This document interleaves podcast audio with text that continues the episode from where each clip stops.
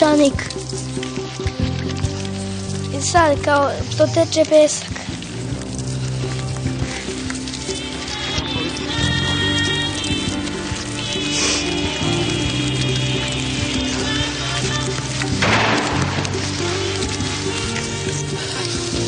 On je čovjek dosadan.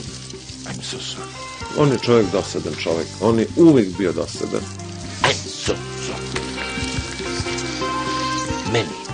Peščanik. Opšta histerija. Beda, ljudska beda, ne samo ekonomska, nego i neka, ono, intimna, Ne. lična. Daj bilo šta. Daj, samo da si ušti nešto. Daj da bude moje. Nama je žao. Peščanik. Nije bilo dovoljno snage da kažem I'm so sorry. Meni je žao. Redka je generacija koja je dobila takvu šansu kao ova. To je tragična politička generacija. Ni štetu nisu napravili veliku.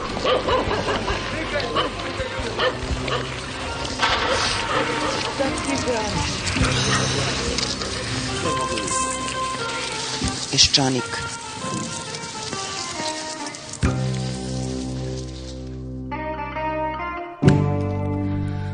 Dobar dan. Nadam se da se ne spremate da izađete.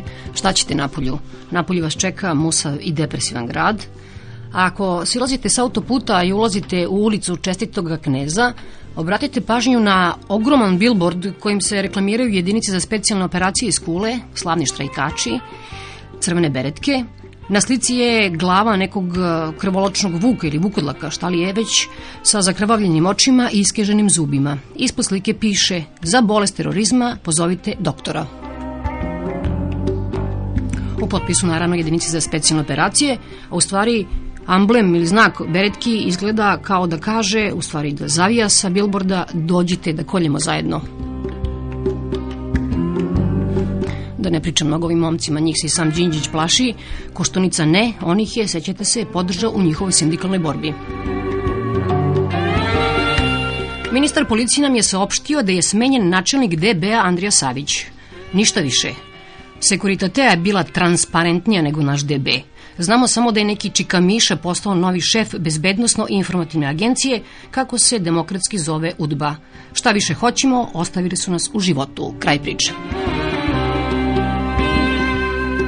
Politička korektnost nije jača strana ni ministra za rad i zapošljavanje Milovanovića. Tog čoveka nisam pomenjala, malo mi je neprijatno. A sinoć je na našoj televiziji na pitanje novinara kako objasniti nekom mikrobiologu da mora da prihvati recimo posao čistača ulica, inače će ga skinuti sa spiska nezaposlenih, Milovanović je, zavaljen u kožnu ministarsku fotelju, rekao, pa šta, čistiti ulice je častan posao. Nije problem šta je taj čovek rekao, niko nije lud da misli da će svi naći posao svoje struci. Problem je osijonost koju, koja nikako ne priliči ministru za rad u zemlji gde je skoro milion ljudi nezaposleno.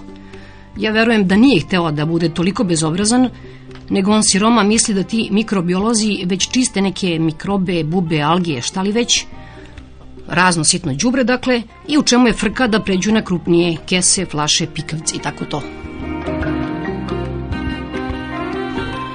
Ovi u DOS-u se svađaju oko povelje, mandata, uskoro će prestati da govore i međusobno će razmenjivati samo preteće krike. Velja Ilić preti van parlamentarnom borbom, ustajala mu se ona svilena trenerka koju je nosio 5. oktobra pa bi hteo malo da je provetri. Principilni Batić, inače ima indicija da taj čovek i dalje ministar pravde, neće da glasa za povelju, ali hoće svoje DHSS-ovce da pošalje u buduću saveznu skupštinu.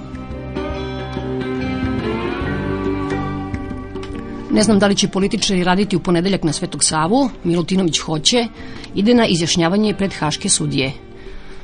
Kako je čudan život, prošle godine na isti dan bio je počasni gost na Svetosavskoj akademiji u Sava centru, a ove godine će umesto pesama o najljubkijem srpskom detetu Savi morati da sluša Karol Del Ponte.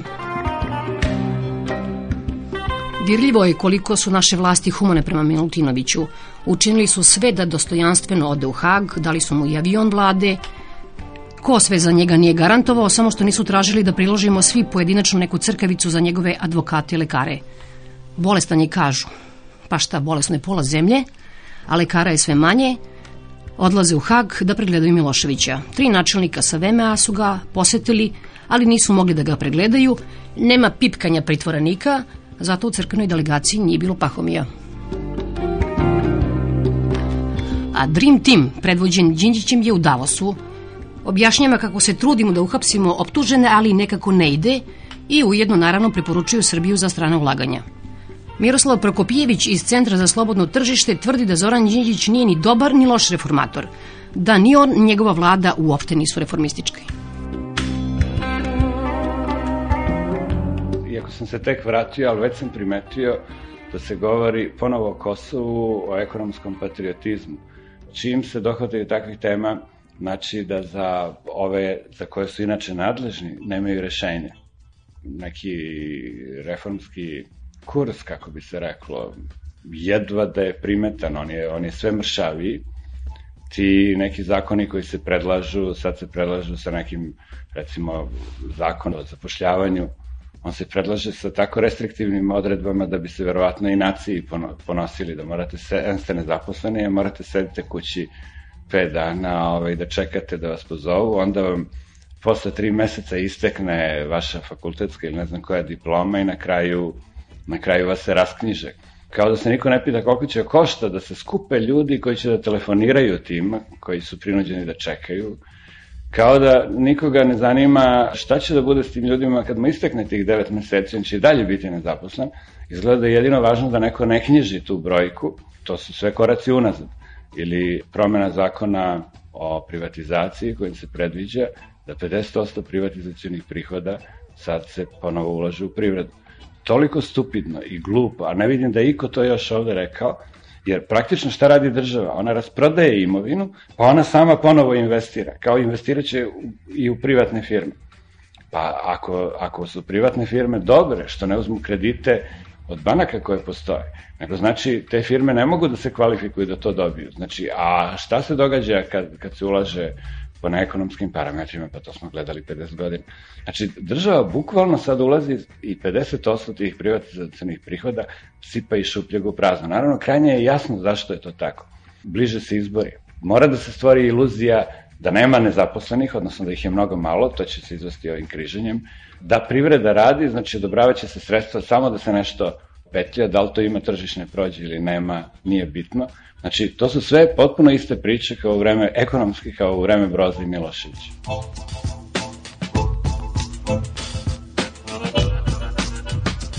Čitava vlada u stvari nije protržišna vlada jednostavno. I od takve vlade ne možete da očekujete reformu koja će sutra da rezultate.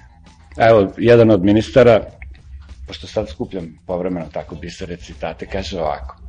E, bio sam ja za slobodno tržište dok nisam postao ministar. Ali, kaže, kad sam postao ministar, on se video kako ljudi teško žive, kako su firme izgubljene i kaže, država jednostavno ne sme da okrene leđe takvoj privredi.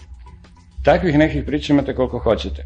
Uvek je isti scenario kad političari hoće da preozmu više vlasti. Znači, oni kažu, situacija je teška, ljudi su bespomoćni, vlada mora da se umeša.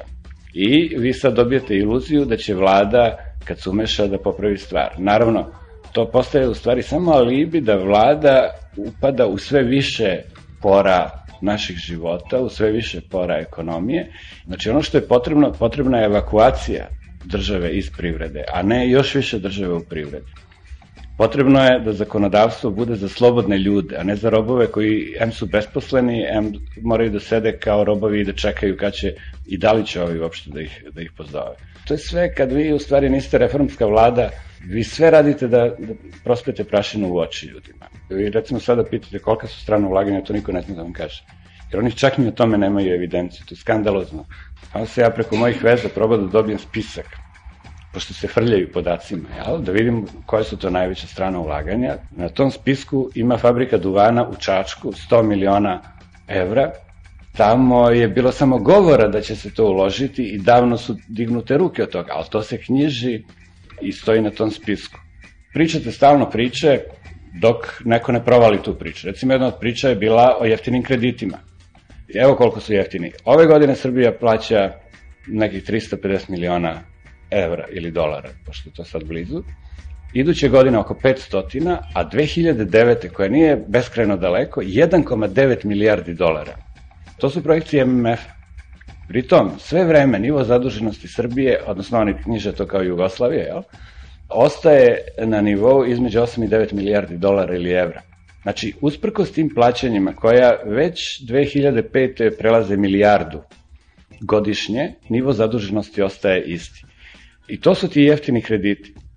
Znači, stalno se lansiraju tako nekakve žvake, pritom se prihodima od privatizacije, nešto malo donacijama i nešto malo kreditima krpi postojeće stanje i time vi prosto kupujete vremena vlasti i čekate šta će da se desi. Pri čemu naravno vodite računa da, u neke, da neke važne slojeve ne zakačite, jer ovo što se ne isporučuju, recimo šljivančanin ili takvi, to je da se ne zamerite vojsci.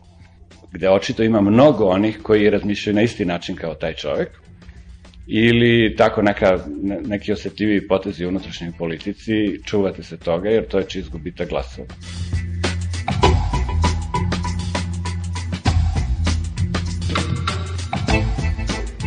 Privatni investicijni fondovi, fondacije poput Fraser instituta, Heritage Freedom House-a, nas procenjuju jako loše.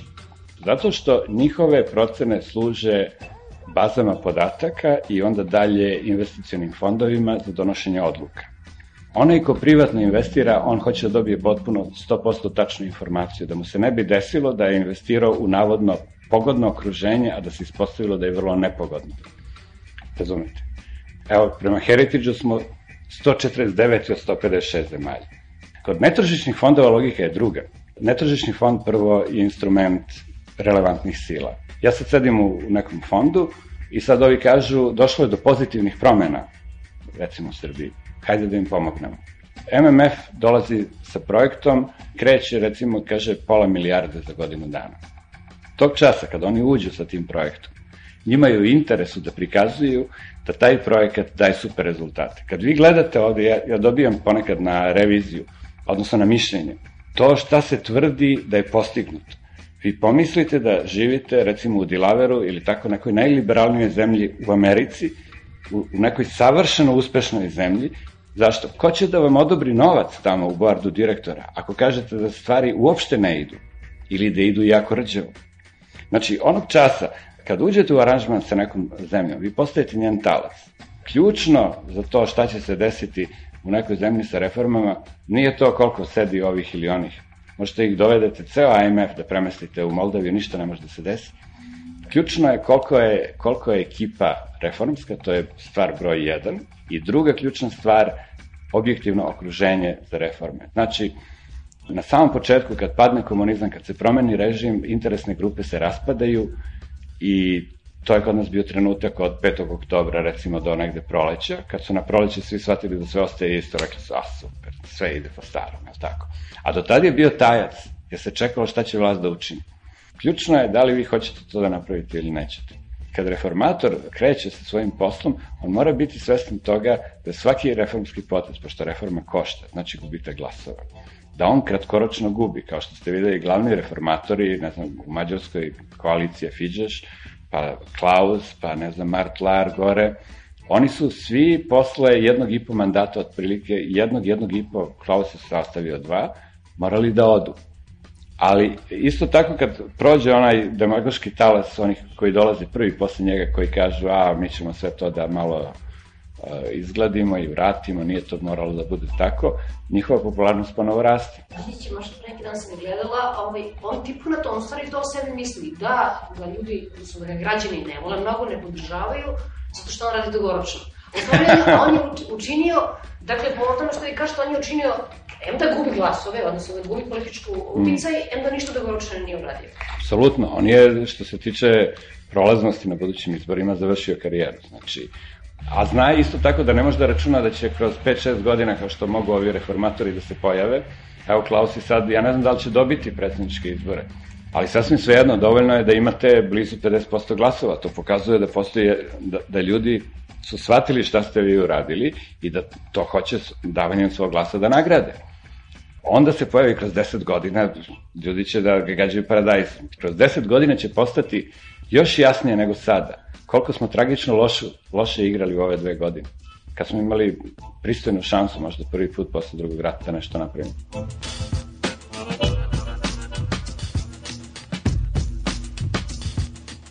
Znači, šta će da se desi? Ja mislim da ova sad dolazeća i ona tamo 2004. da će otprilike biti na nivou ovih proteklih dve godine. Naš problem se, ja mislim, ozbiljno otvara iza 2004. kad otplate kredita postaju veće, kad privatizacija nije daleko, znači transformacija realnog sektora nije daleko odmakla kad je deficit enorman, kad javni dug raste i tako dalje. I dešava će se isto ono što se dešavalo u Crnoj Gori sad pre prodaje Kotor Jugopetrola, znači plate i sve idu nadole, a cene i sve drugo ide nagore ili što je još u radikalnijem smislu bilo u Bugarskoj 96. Znači kad, kad je vlast e, bila prinuđena tako štancuje pare da su plate pale na nekih e, desetak, 20 maraka. Ne mora da padne na desetak, 20 maraka ili evra, ali u svakom slučaju ovo, kako sada stvari stoje, ovo je jedna artificijalna ravnoteža koja se jedva, jedva krajnjim snagama održava Ako bi sada došla reformska ekipa koja bi krenula ozbiljno u reforme, tek 2006-2007, znači posle dve godine tranzicione recesije, vi možete da očekujete prve rezultate. I pošto ovde takva reformska ekipa ne postoji, jer ima nas jedan mali broj koji govori na jedan tržišan način, otprilike nije nam zabranjeno da govorimo, mada ni vlasti, a ni opozicija nisu oduševljeni što mi to povremeno činimo, Znači, ne postoji, ne postoji raspoloženje birača i političke elite su naravno okrenute takvom biraču, da dobiju glasove takvog birača. Dakle, birača koji de facto još uvek u nekom, ako ne socijalizmu, ono etatizmu gleda rešenje.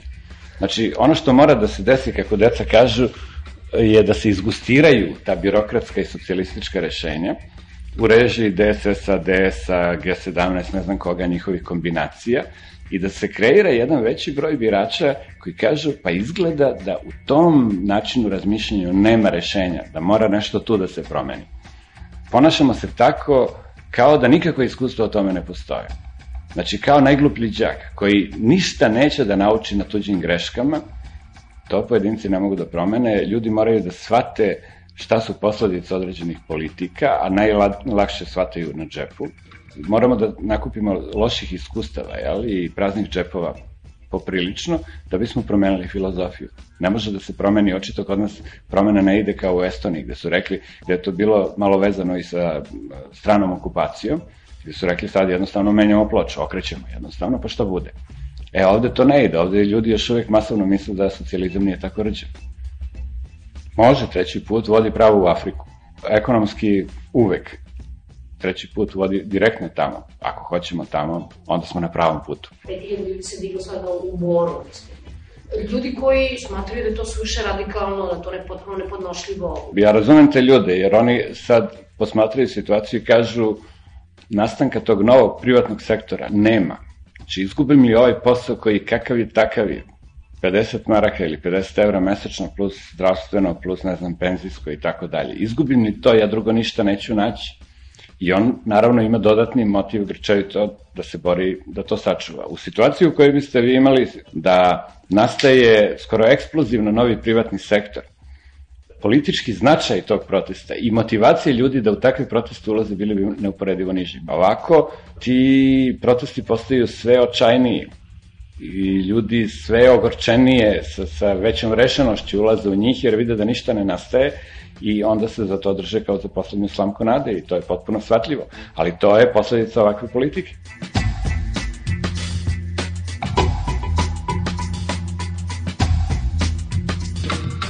Za nas bi, to će mnogi ovde reći, da je bogohulno, ali to ni najmanje nije bogohulno. Za nas je bilo mnogo srećnije da, su nas, da nas je Zapad okupirao, kao što je Nemačko okupirao 45, jer naš problem je vrlo sličan.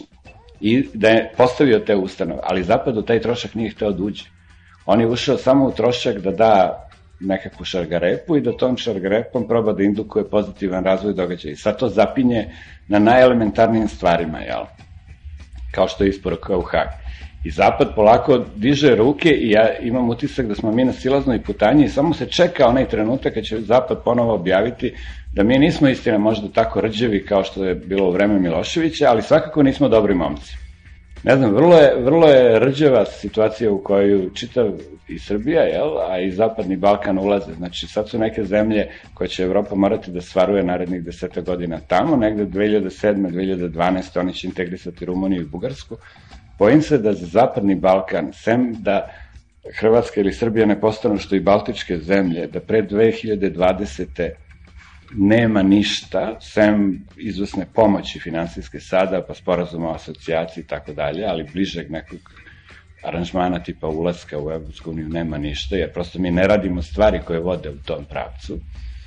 I vrlo je ovako veliko pitanje šta ćemo mi u tih 18 godina samoće da uradimo.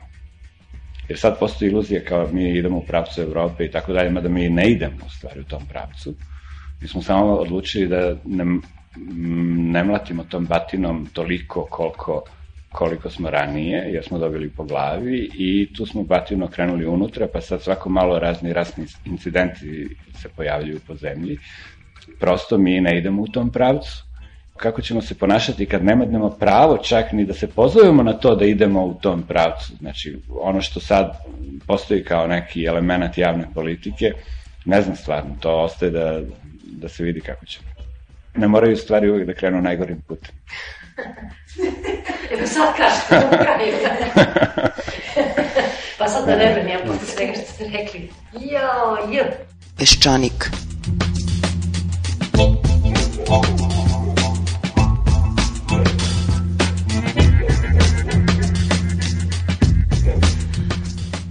Bio je ovo Miroslav Prokopjević, ja sada pričao o Ustavu. Podsećam vas da je pre 250 godina napisana Američka deklaracija o nezavisnosti koja počinje rečima smatramo očiglednim istinama da su ljudi stvoreni jednaki i da ih je tvorac obdario neotuđivim pravima među koja spadaju život, sloboda i traženje sreće. U međupartijskim prepucavanjima oko novog ustava, već zamorenim mrcvaranjem oko ustavne povelje, Ne treba da zaboravimo te važne reči ugrađene u ustav svake pristojne države, kao što su pravo na život, slobodu i traženje sreće. A ovo je imao na umu Nebojša Popov kada je za list Republiku organizovao tribinu pod nazivom Kako do novog ustava, to jest države. Govorili su Marijana Pajvančić, Ilija Vujačić i Vesna Rakić-Vodinjelić. Kapa, italijan, živeo je negde, ja mislim u 17. veku. Na osnovu njegovih shvatanja, pojedinac može relativno lako da živi, a i da ne zna kako se ta njegova država zove i kakve su je tačno granice. Ali vrlo teško može da živi ako ne zna da li može, na primjer, da nasledi svoju bogatu tetku koja je na nekoj drugoj državnoj teritoriji, da li može da se razvede zato što je, na primjer, različitog državljanstva nego njegov bračni drug. Ljudima ne smeta toliko mnogo da li žive u državi koja se zove, ne znam, Republika Srpska, Savezna Republika Jugoslavija i tako dalje, ali ipak da vole da žive u nekoj državi. U državi koja će im obezbeđivati da njihov svakodnevni život bude jednostavniji, a ne teži. Dakle, šta je sa ugovorom o prodaji parcele koju ste recimo zaključili sa nekim državljaninom Slovenije, pa ste sad ostali odjednom državljani različitih država. I zbog toga da je privatno pravni identitet države po Gabi znači da bez obzira u kakvo prirodno stanje zapadne jedna država, na jednoj teritoriji mora da postoji, kako on kaže, nešto države i to ono nešto što će obezbeđivati kakvu takvu izvesnost u svakodnevnom životu. Živimo mi svi relativno normalno, iako ne znamo šta je sa teritorijom Kosova, da li je ona pravno pod okupacijom, protektoratom. Dakle, mi svaki dan možemo da živimo bez toga, ali ne možemo svaki dan da živimo ako ne znamo da li ćemo za posao koji obavljamo dobiti platu. Da nismo mi dovedeni poslednjih deseta godina u neizvesnu situaciju, hoćemo li uopšte preživeti. Za mene je, kako da kažem, odgovor potpuno nesumnjiv da smo mi dovedeni u takvo stanje.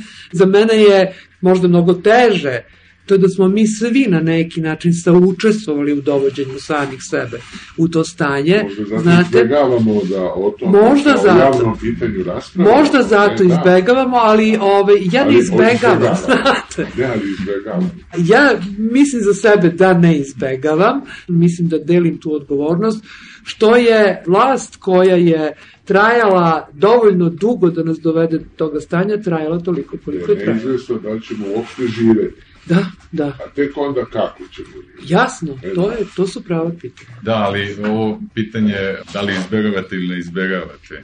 Ja bih rekao, rekao da ni ja sada ne izbjegavam par zadnjih godina, ali mislim da je kasno. Ja znam kada sam izbjegavao da postavim neka važna pitanja. Tamo negdje neke 87.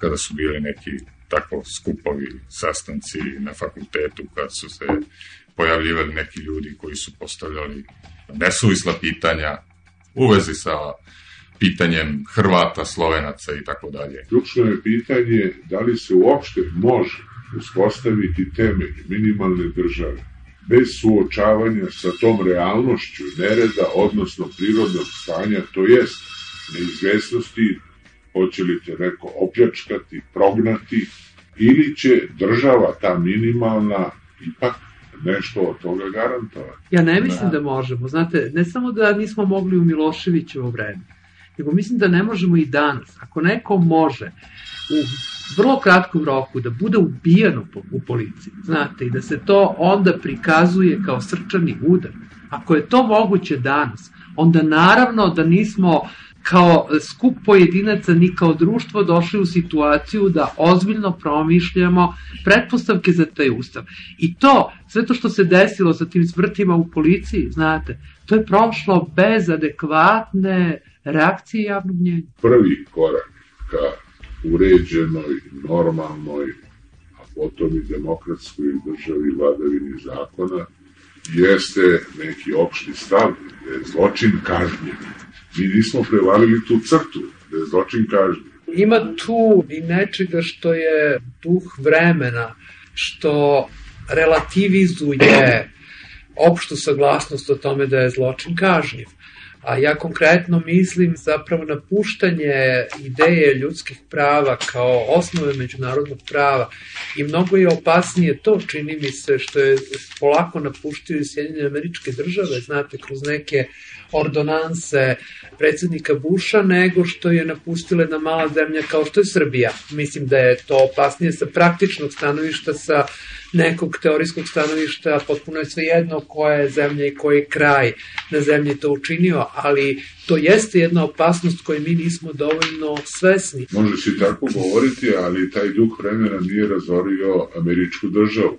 Još uvek. E, pa znam, ali e, mi smo u situaciji da je država razorena, čak i ona falična. Kako mi možemo govoriti o uspostavljanju reda ako u dva segmenta se ništa nije uradilo u reformu ovog društva, pravosuđe i policije?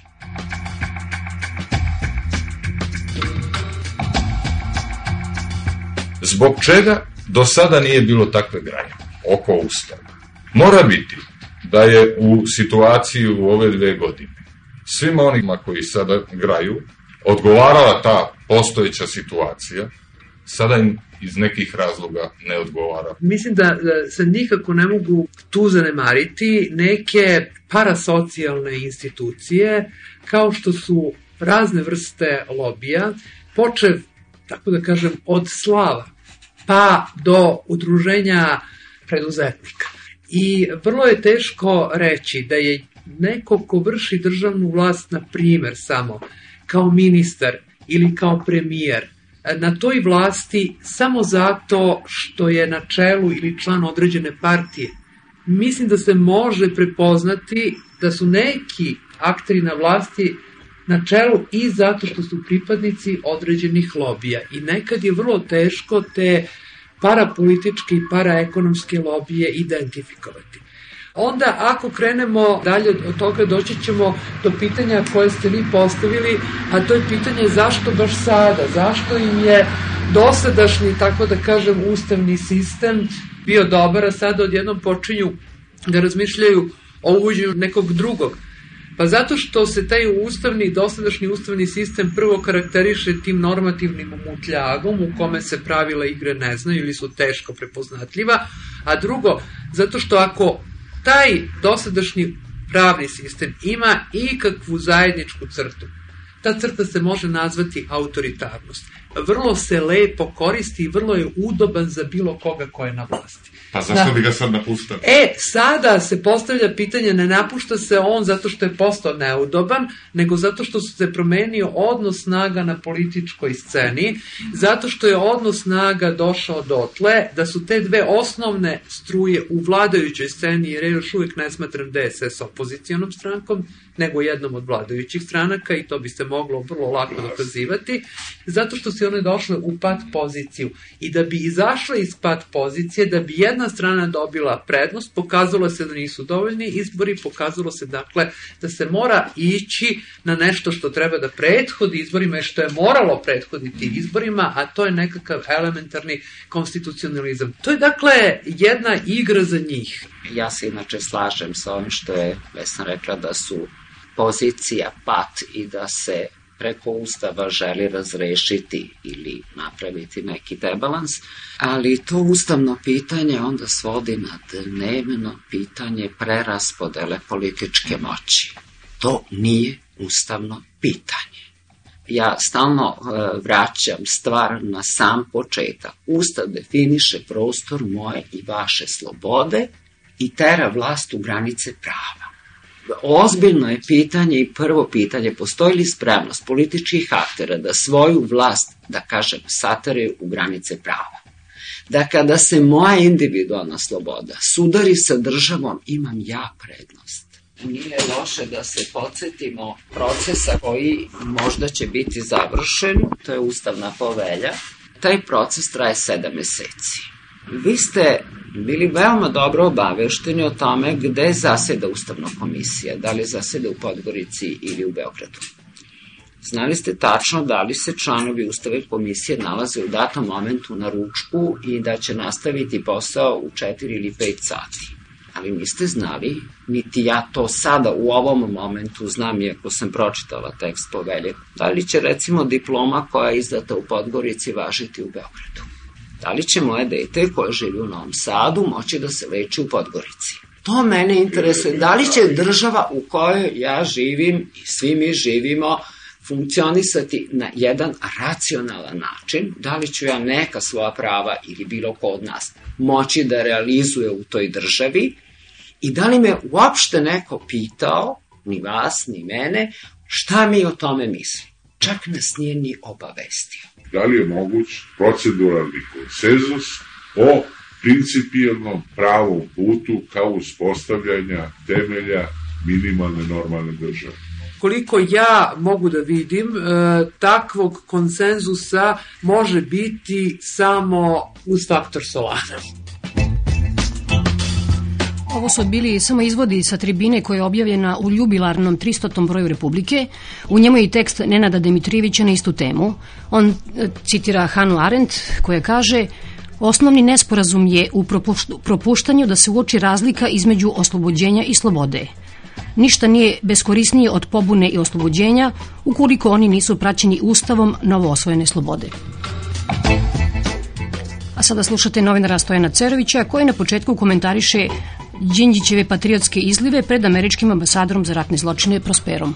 Meni se čini da Đinđić tu malo blefira sa tim tako kao malo tvrdim stavom.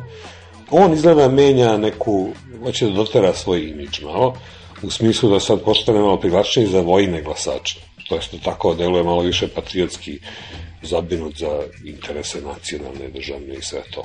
Pošto, ako ja sad to dobro razumem, ovo je u stvari pada, izlazi iz igre skroz ti njegovi se pakuju gotovo, on postaje zbilja šef neke stranke koja će vjerojatno postati vrlo prilično mala. Mislim, neće pasti na ono što je bilo, valjda. Ali on pada, on odlazi u stvari. On se neće skoro pojaviti. Možda neće uopšte više igrati neku veću ulogu. On je loše odigrao, nije umeo da igra, nije, nije pravi politički borac.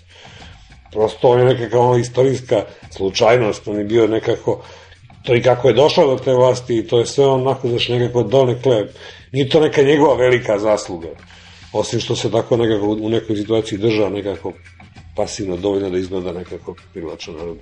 Ja verujem da Đinđić to ovako analizira. Liberalne reforme nisu nešto što dobija većinu glasova nikad. Možda podaš neku ili levu ili desnu demagogiju. To je nešto gde, da zašto glasa većina. Ti možda probaš da sprovedeš to, ali ako hoćeš da dobiješ glasove, možda pričaš neku drugu priču. Ako treba da izvedeš neku tranziciju ili polu tranziciju, to je onako da, na podvalu u stvari. Đinđić će verovatno da pokuša da tako sledeći put kad se bude predstavljao narodu, zvučeće verovatno mnogo onako konzervativnije, glumi neki tako gard prema svetu. I ja mislim da je to to što on radi sad. On se priprema za to. Mislim, to što će ovaj dode ne treba nikom mnogo da še nauči na tim.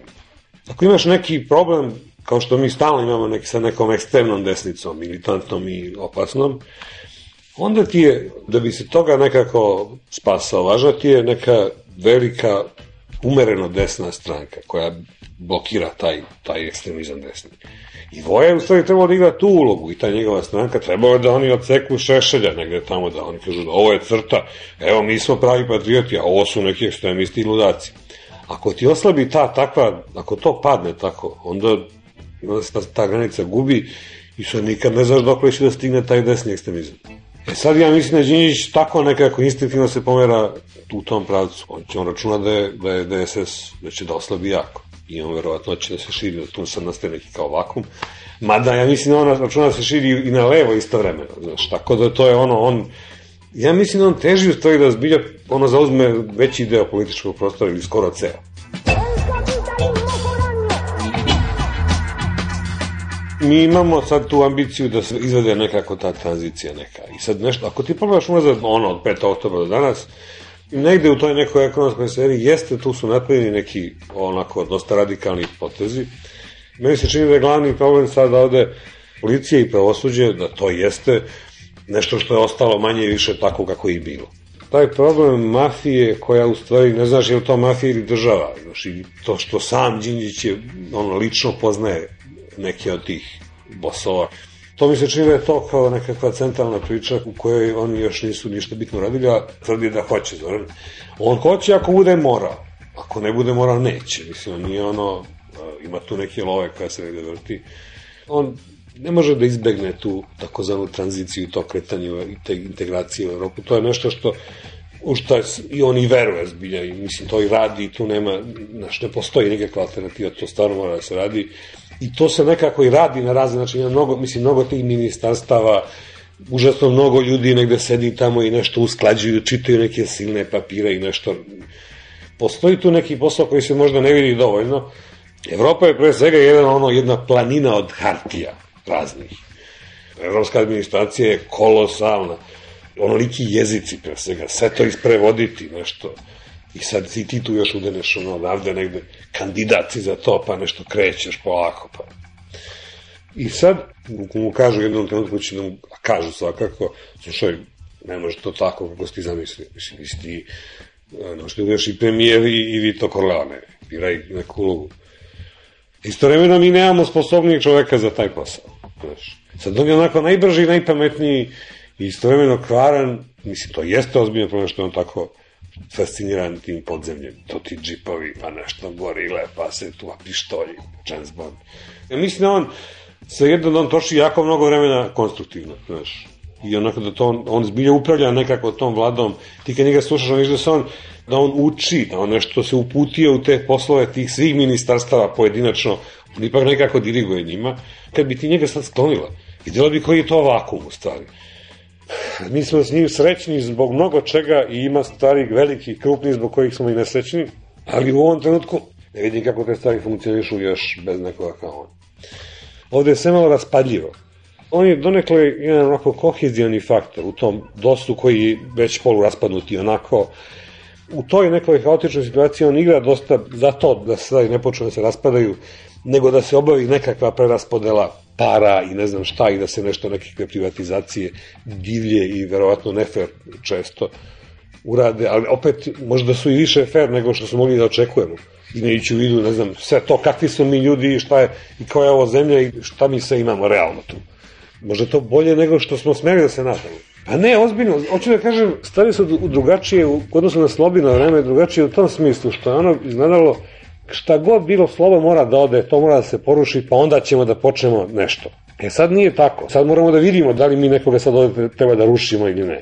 Da li treba da smatramo da neko apsolutno ne zaslužuje da sedi tu, jer imamo mi neku bolju zamenu. Onda izgledalo da je sve bolje od slobe, možda je tako i bilo, a sad nije, sad može i gore, sad, možemo, sad je prosto malo komplikovanije, sad imamo neku vlast koja nešto radi, nešto ima kao ono bolje, nešto bolje, nešto gore, pa sad ajde da budemo pažljivi, pa da sad ono dobro izlagamo, nije sad više naša uloga da budemo a priori protiv i da kažemo sve to ništa ne valja što vi radite, nego onako da malo birkamo, da budemo ono, ne možemo da kažemo svi maš napolje, ti nemate pojma, sve to loše. Odeš u neku drugu uporedivu zemlju, pa pogledaj kako izgleda, pa da vidiš da to u stvari, mislim, svuda je to manje više. Mislim, ima raznih ono, ljudi gde imaju više para, šta ja znam, ali neke te gluposti, prostakluka, nasilnosti, ne znam čega god hoćeš, pogledaj što se, u što se Amerika pretvara, mislim, to je žas, potpuno ono, poludeli ko Srbi nekad.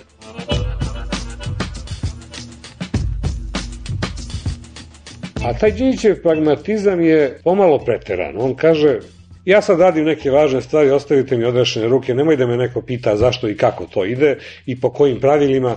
Ima da se ide najkraćim putem i da se postigne rezultat što pre. Meni se to često dopadalo, mislim da ajde da postignemo nekakav rezultat negde, ajde da ljudi se naviknu na neki uspeh u obavljanju nekih poslova, ali tačno je da tu postoji rizik nekakav ti njegovi protivnici, naročito s koštunicine strane, su često govorili o tome kako je on potencijalni tiranin. Teško mi je da zamislim Đinđića kao diktatora, moram da priznam. Mislim da on nema ta svojstva koja ima Milošević, tu neku agresivnost, nasilnost, aroganciju. Đinđić bi volao onako da svi trče najvećom brzinom, to je to kako on trči. A to ne može. Njega nervira verovatno kad neko tako malo spor u tom vozu. A u stvari država se kreće tempom najsporijeg, ne najbržeg nema razumevanja za te ljude koji nešto to tako mnogo gnjave, sporo, zatežu nešto. Da sve u svemu, to je situacija u kojoj mi ne smemo da budemo petero nezadovoljni, zapravo, ali ima stvari koje bismo trebali da držimo u fokusu jako. Ja mislim da je to u ovom trenutku najviše ta policija i sudstvo. Prosto ne sme da se dogodi da u Zemun polju eksplodira fabrika i da nema veze. Izgleda da to uopšte nije tema, Niko, nikoga to ne zanima. Mora da postoji nekakva zakonska procedura i nekakav monopol na, na oružje i na silu. Ga policija kriminalci i ubila ga batina. Pa ne može to tako. Meni je čak i, i gori simptom od toga, kako bih rekao, socijalno opasniji onaj incident pred Patrijaršijom. Tu se pojavi jedna grupa demonstranata, to sad recimo je to taj obraz ili kogod bio, i odluči da blokira taj Božić Anglikanske crkve, nema policije, tu nastane incident ogromnih razmera, međunarodni, mislim, to je nešto zbog čega je Beograd u, u Engleskoj je izgledao apsolutno užasno. Mi smo neki ljudi koji za Božić ne daju da se ovde neki demonstriraju i stekne se predstava da je to sad, eto, to je ta Srbija. I sve se to dogodilo zato što nije tamo bilo na licu mesta pet policajaca koji su trebali da ih odguraju na drugu stanu ulice da kažu, e, tamo možete da demonstrirate, slobodno vi mašite i tim transparentima, pričate šta hoćete, a ova stvar će da se odvija događaj kao što treba. Iz te politiske neefikasnosti nastane ovakva jedna ogromna priča i sad mi ovde počnemo da pričamo o tome kakav smo mi to narod, kakva je ta naša crkva, je li ovde fašizam u Srbiji, šta je ovo, ako imaš neku demokratsku državu, gde god ima neki javni događaj, neko će negde da bude nezadovoljan pa će se pojaviti neka grupa koja će nešto da viče. I policija samo skloni negde odatle da se ne ometa, ta stavi tačka. E sad, mi, naša policija je ili će da ubije nekog batina, tako ukapsi ga, pa ga premlati na smrt, ili neće da radi ništa ajde nađi neki u meru sile koja je primerena takvom jednom demokratskom društvu. Znači, obezbedi javni red i mir i sigurnost, a ne premlaćuju ljude po zatvorima i u pritvorima do smrti. Demokratsko društvo je neprijatno po policiju. Policija tu ima puno da radi i dosta riziko i to je ozbiljan, težak posao. U autoritarnim društvima je policiji najlepše. Imaju odrešene ruke i rade šta hoće, ako je nešto zabranjeno, to je totalno zabranjeno, nema tu sad da neko sad negde demonstrira nešto, oni će to sve da pohapse i premlate. I oni bi izgleda volili da to tako, da nam kažu svima, slušajte, vi hoćete vi da pustite nas da radimo naš posao kao što mi umemo, pa ćemo mi te da ubijemo od batina, pa više nikad neće doći da demonstrira tamo. Ili ako mislite da, da to ne treba tako, eto, mi ćemo da se povučemo, pa ćemo da demonstrirati, pa ćete vi da vidite kako to izgleda. To bi nekom rodim objasniti, to ne može to tako, Ovo je sad drugi red stvari, bit ćete respektovani, ali ćete da radite taj posao tako kako treba da se uradi. Znači, ono, ne možete ni jedno ni drugo. Ni da ne radite ništa, ni da premaćujete gde ne smete.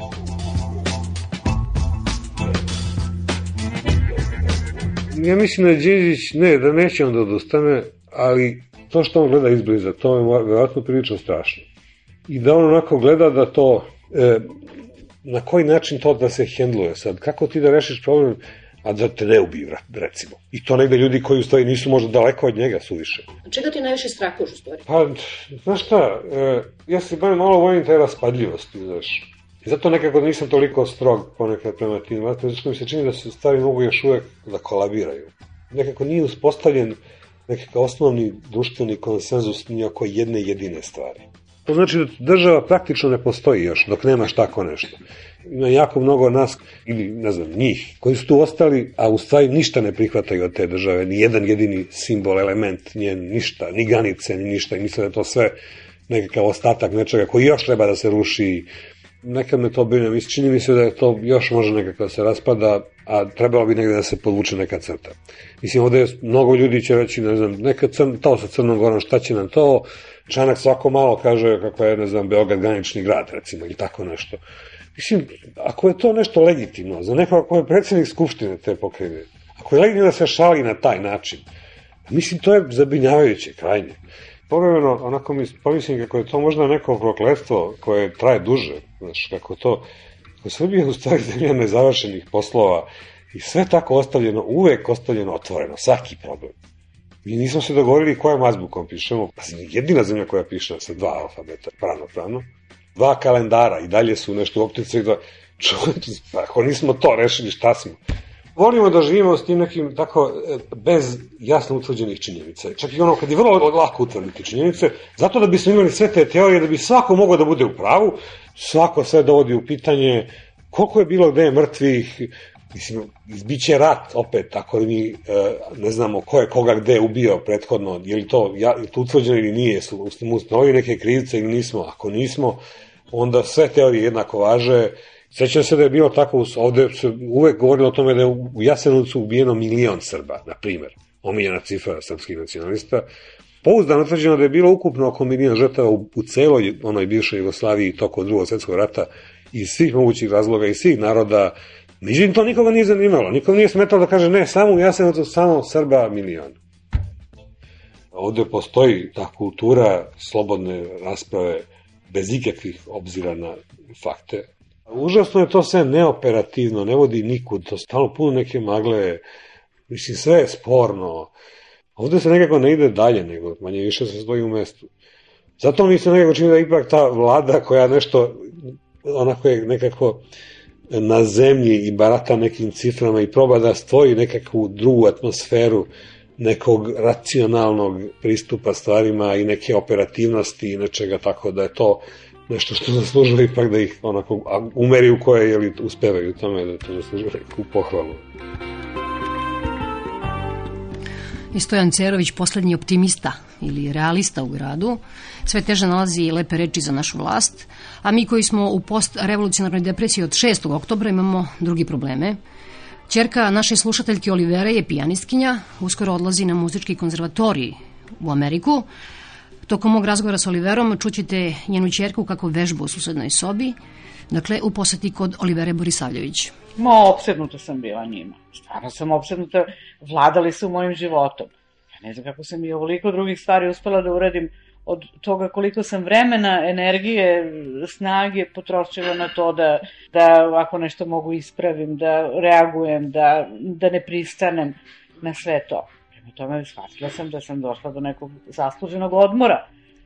Mislila sam da oni znaju svoj posao, sad će oni to da odrađuju. Neće im biti lako sa svim problemima, svim, ali će da rade nešto da bi mene ostavili da radim nešto drugo. Kuvam, štrikam, bilo šta. Uglavnom se ne bavim više njima, ne skačem da gledam vesti, ne skačem na radio da se svađam.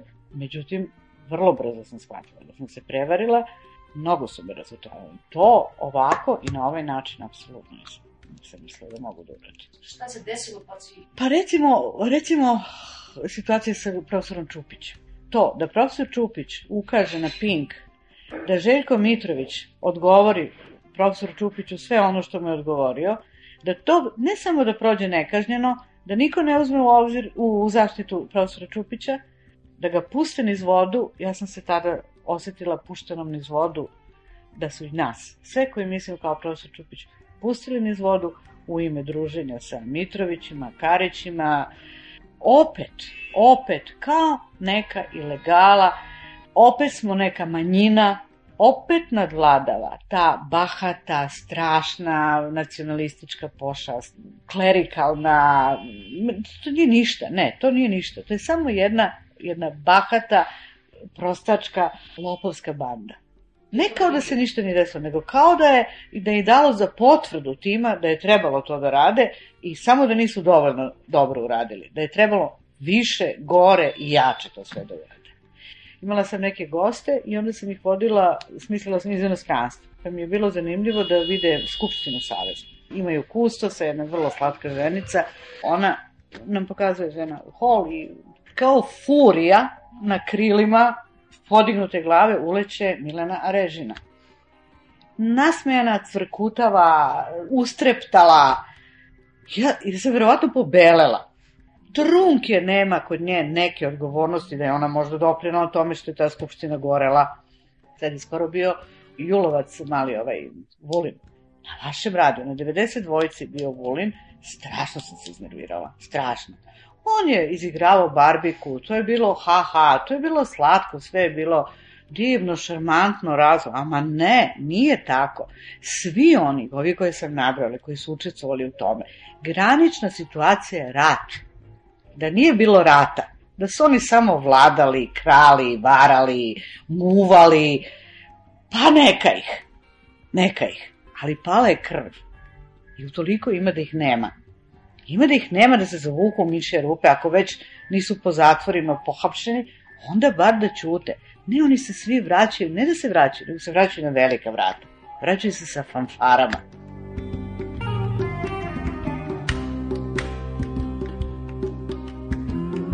Ko je tebe najviše razočarao? Čanak. Čanak mi je, nisam mislila da je do te mere plitak i do te mere estradni i do te mere, pa ne može tako. I bahat, to je ono što me nervira. Mene, mene najviše smeta ta njihova bakatost. Taj čanak, konkretno, ja sam mogla zbog njega da popijem batine na ulici, jer sam sa nekim radikalima se zakačila oko njega. Eto, u ime toga, on meni duguje da on ne može da izađe na Pink i da kaže da Željka Mitrovića mrze zato što mu zavide na devojkama. Pa ne može jedan Nenad Čanak takvu budalaštinu da izgovori. Nenad Čanak mora da zna da je Željko Mitrović te devojke zaslužio tako što je delio komplimente Miri Marković. Za svaku tu devojku koju je dobio, on je morao Miri Marković da kaže kako divno danas izgleda, kako je pametna, kako je to jako lepo što je to uradila. Ča, od Čanka očekujem da Čanak to zna. To elementarno pobrkano ko je Željko Mitrović i zašto se Željko Mitroviću, šta se zamera Željko Mitroviću. Svi su raspojasni. I to ajde op, da opsuju par puta i Batić i ovi svi.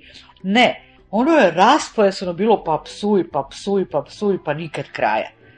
Zašto je dozvoljeno radikalima da onako divljaju u Skupštini? Zašto oni smeju da rade i dalje sve što hoće, sve što im padne na pamet? Zašto neko nije uhapšen već?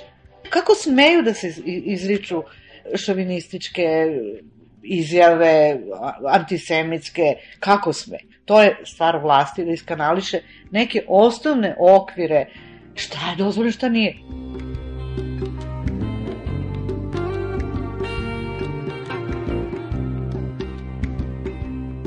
Ja sam mislila da ćemo sada mi biti u većini, ajde sada, fino, polako, idemo sad na drugu stranu.